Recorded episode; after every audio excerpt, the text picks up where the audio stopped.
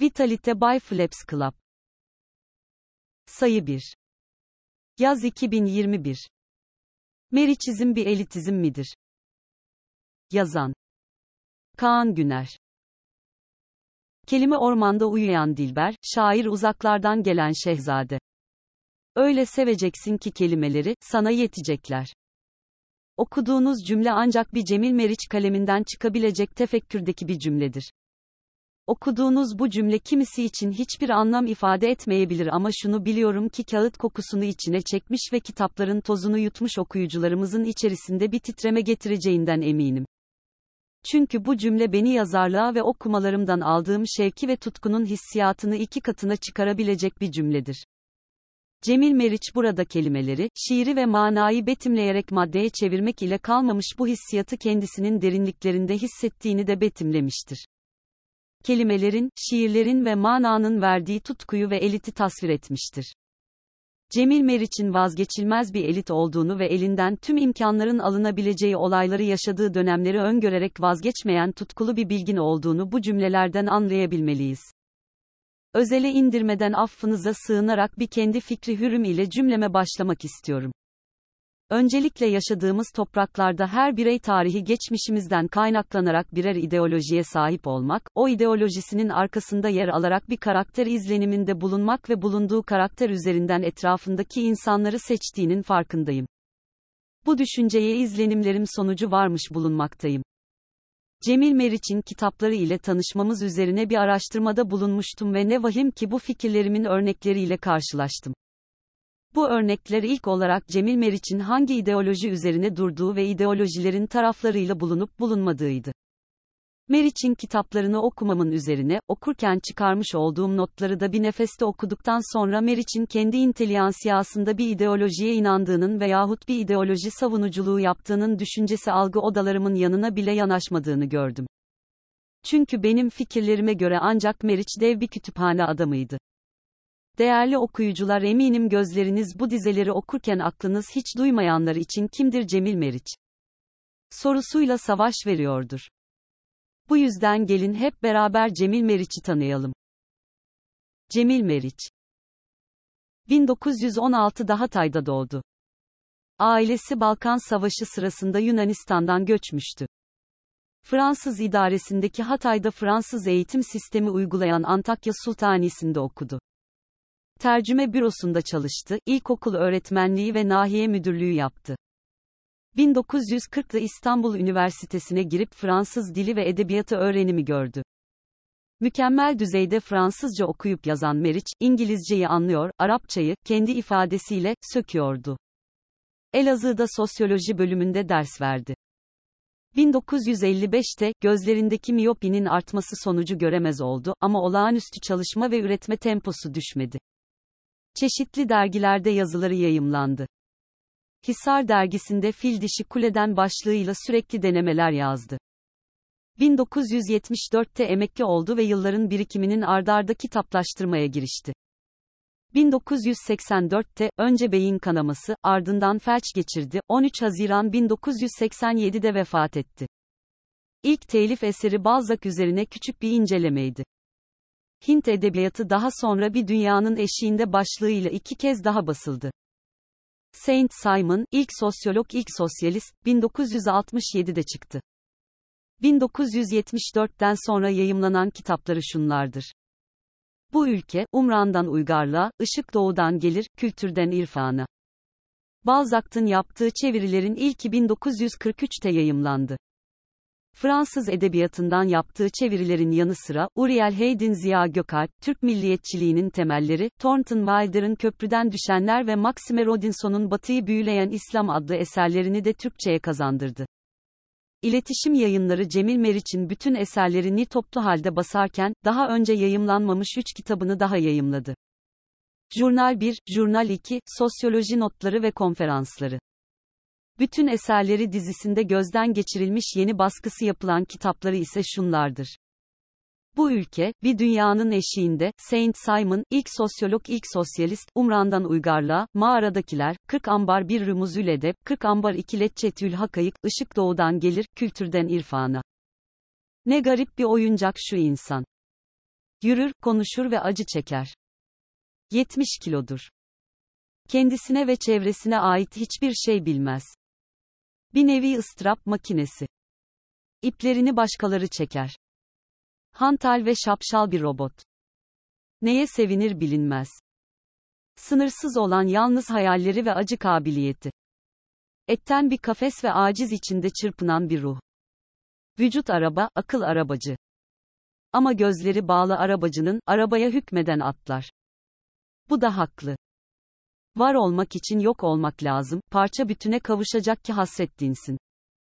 Bütün musiki, bütün şiir, bütün aşk, bu bir çuval kemik, bu asi ten, bu aptalca endişeler ne olacak? Ne olacağını bilen var mı? Kader hep oynayamayacağı roller yükler insana ve ıslıklar. Alkış sahtekarların. Cemil Meriç'in kitaplarında yalnız onun okumalarının ve kütüphanesinin tasviriyle karşılaşmazsınız, Meriç'in kitaplarında onun içinde barındırdığı romantizm ve drama ile de karşılaşabilirsiniz. Çünkü Cemil Meriç sizleri Akdeniz'in sıcak sularında gezdirirken birden kuzeye götürüp içinizi titretebilir. Bunun sebebi yaşadığı hayatın kalemine yansımasıdır. Çünkü hayatı da sıcak esen tatlı rüzgarlardan bir anda korkutucu karanlık rüzgarlara geçmektedir. Öyledir ki bu hissiyatı, 7 Temmuz 1955 günü, göz ameliyatı için gittiği Paris'in İstanbul'a döner ve gözelerini bir yıl önce kaybetmiş, yeniden görme umudu ise pek kalmamıştır. Dönüşünden 9 gün sonra yazmaya başlar. 38 yaşındaki Cemil Meriç kendisini son derece yalnız hissetmektedir. Görmemekte, tabiata tahakküm edememektedir. Ve şu dizeleri yazmıştır Meriç. Görenin yalnızlıktan şikayete hakkı yoktur. Mevsimler, renkler, çiçekler, şehrin bütün kadınları, bütün çocuklar gören içindir. Görmeyen bir insan bozuk bir ampul gibi manasız, bıraktığınız yerde kalan bir paket, içinde eski hatıralar olduğu için arada bir karıştırılmaya layık. Çocukken oynadığınız bir taş bebek gibi, atmaya kıyamadığınız acayip bir külçe. Yazdıklarıyla öğrencilerine ışık halka ise yetiştirdiği öğrencileri aracılığıyla aydınlık sağlamıştır Meriç. Yazdığı yazılar ve makaleler dolayısıyla Türk mahkemelerinin ilk yargılanan Marksisti olmuştur kendisi. Oysa o daha bir işçi eline bile dokunmamışken. Kendisine sorulan neden işçi partisine girmiyorsun sorusuna şu cevabı iletmiştir. Girmem, çünkü benim yerim kütüphane.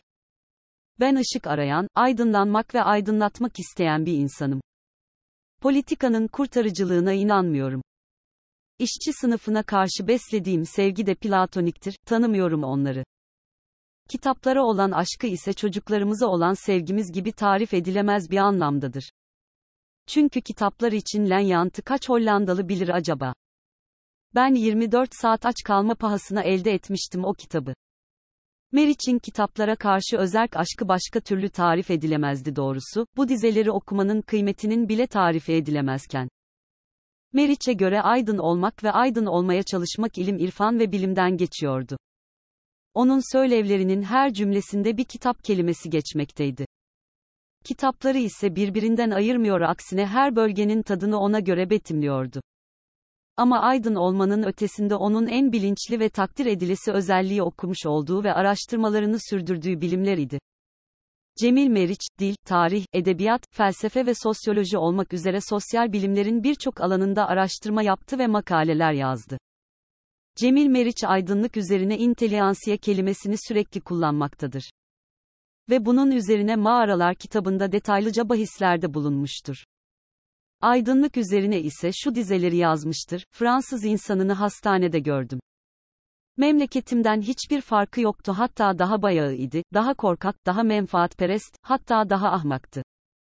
Kafan aydınlıksa, gerçekten aydınlıksa, her ülke aydınlıktır senin için. Yoksa kendi karanlığından kaçmak boş. Meriç'in bu sözleri bizim yıllardır yakındığımız Batı ve Avrupa'yı yaşam hayranlığına olan gerçekçi cevabı vermektedir. Baktığımız zaman gençlerimizin ve bizden büyüklerimizin şikayetlerinin de bir cevabıdır. Çünkü bu şikayetlerimizin çoğu yaşamış olduğumuz şehirlerdeki alamadığımız nefesin ve yaşamış olduğumuz sıkkınlığımızdır. Lakin Meriç kafa aydınlığı betimlemesiyle tüm soruların yanıtı olarak, aydınlığın şehirde, coğrafyada olamayacağını aksine aydınlığın kitaplar ve düşünce yapılarımız aracılığıyla oluşacağını belirtmektedir. Meriç'in bilgi kültüründeki akış ve ırmaklar arasında hızlı bir geçiş yapması kitaplarında vermiş olduğu yoğun tasvirlerden ve parçalara ayrılmış metinlerden oluşmaktadır. Çünkü ilk paragrafta Dante'den bahsederken bir anda Ümran gelen uygarlıktan bahsetmektedir. Bu Cemil Meriç'e özgü bir yazı stilidir. Ve sizi sıkmayan bir betimle ile kendi içine almaktadır.